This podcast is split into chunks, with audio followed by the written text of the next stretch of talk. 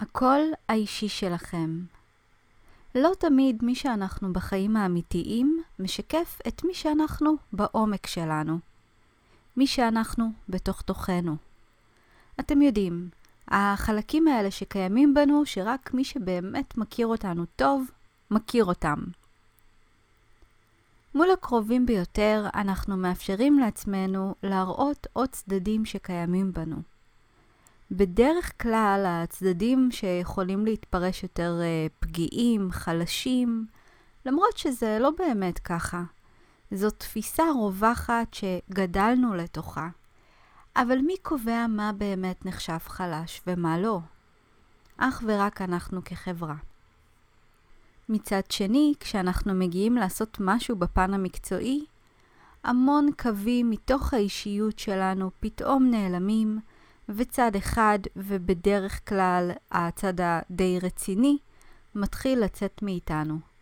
שום דבר ממה שמאפיין את הצדדים שהופכים אותנו לעצמנו, והצדדים שאותם החברים שלנו מכירים, לא ממש באים לביטוי. המסקנה היא קודם כל לא לפחד להראות את מי שאנחנו. יש איזשהו פחד מביקורת, פחד שלא יתחברו, וצורך להראות משהו שונה, משהו שהוא ייצוגי, ואנחנו כבר לא ממש חיים בעידן הזה. הנטייה הטבעית שלנו היא לרצות שכולם יאהבו אותנו וכולם יתחברו אלינו. יש איזשהו צורך להראות צדדים שנראים טוב, שמתקבלים כיתרונות עבור אחרים. אבל אף אחד לא מורכב מצדדים כאלה בלבד, וגם זה עניין של טעם. תכונה שאדם אחד יעריך בכם יכולה להיראות לאדם אחר כמשהו שלילי. שימו לב לאנשים שכן מראים את הקול שלהם בעולם הזה.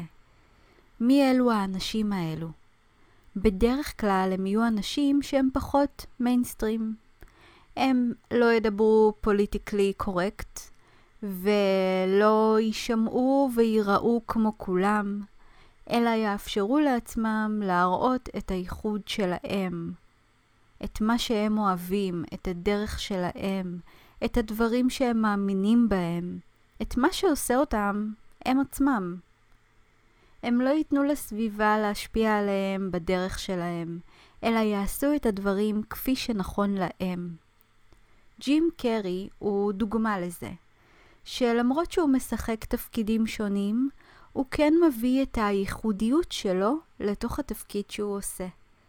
יש לו את התבלין הזה, התבלין של אה, ג'ים קרי, כן?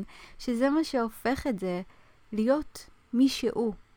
זה דרך החיוכים שהוא עושה, דרך הפרצופים שהם ייחודיים לו, והוא אוהב תמיד ללכת לנקודות הקיצון במשחק שלו. וזה בדיוק התבלין האישי שלו. ויצא לי לראות לאחרונה הופעות של מייקל ג'קסון האגדי, נפלאות היוטיוב. וגם לו היה את הייחודיות הזאת, את הקול הייחודי. ואני לא מדברת על הקול הפיזי והמיוחד שלו, אלא הסטייל שלו, הסגנון שלו. היה לו את הייחודיות האישית שלו, דרך הריקוד, דרך העצירות האלה שהוא פתאום היה עושה באמצע ההופעה, ש...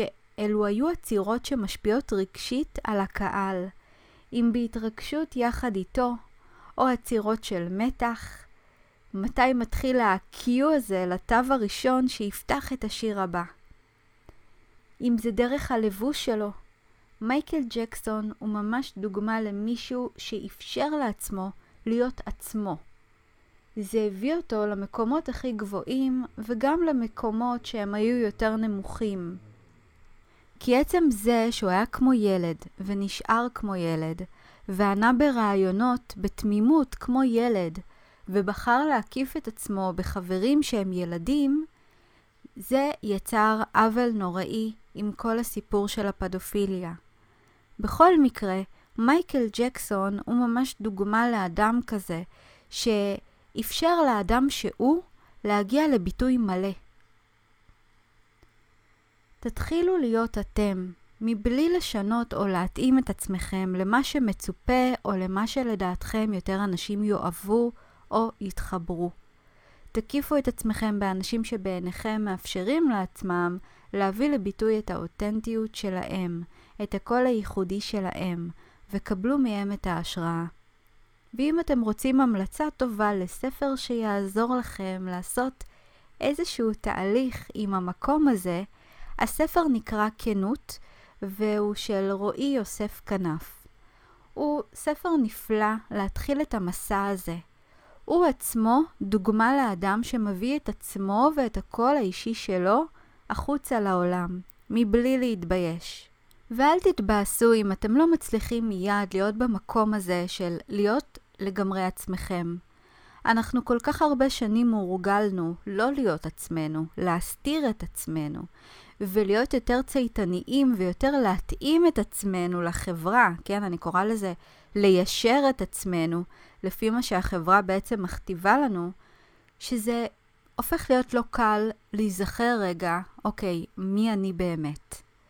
זה תהליך די ארוך, כן, של להיזכר, ולהתחיל למצוא את המקומות האלה בתוכנו, וגם לפעמים נדרשת תעוזה להראות את זה לעולם. ברגע שתעשו את זה, אתם תרגישו שחרור גדול. בחיי זה ממכר.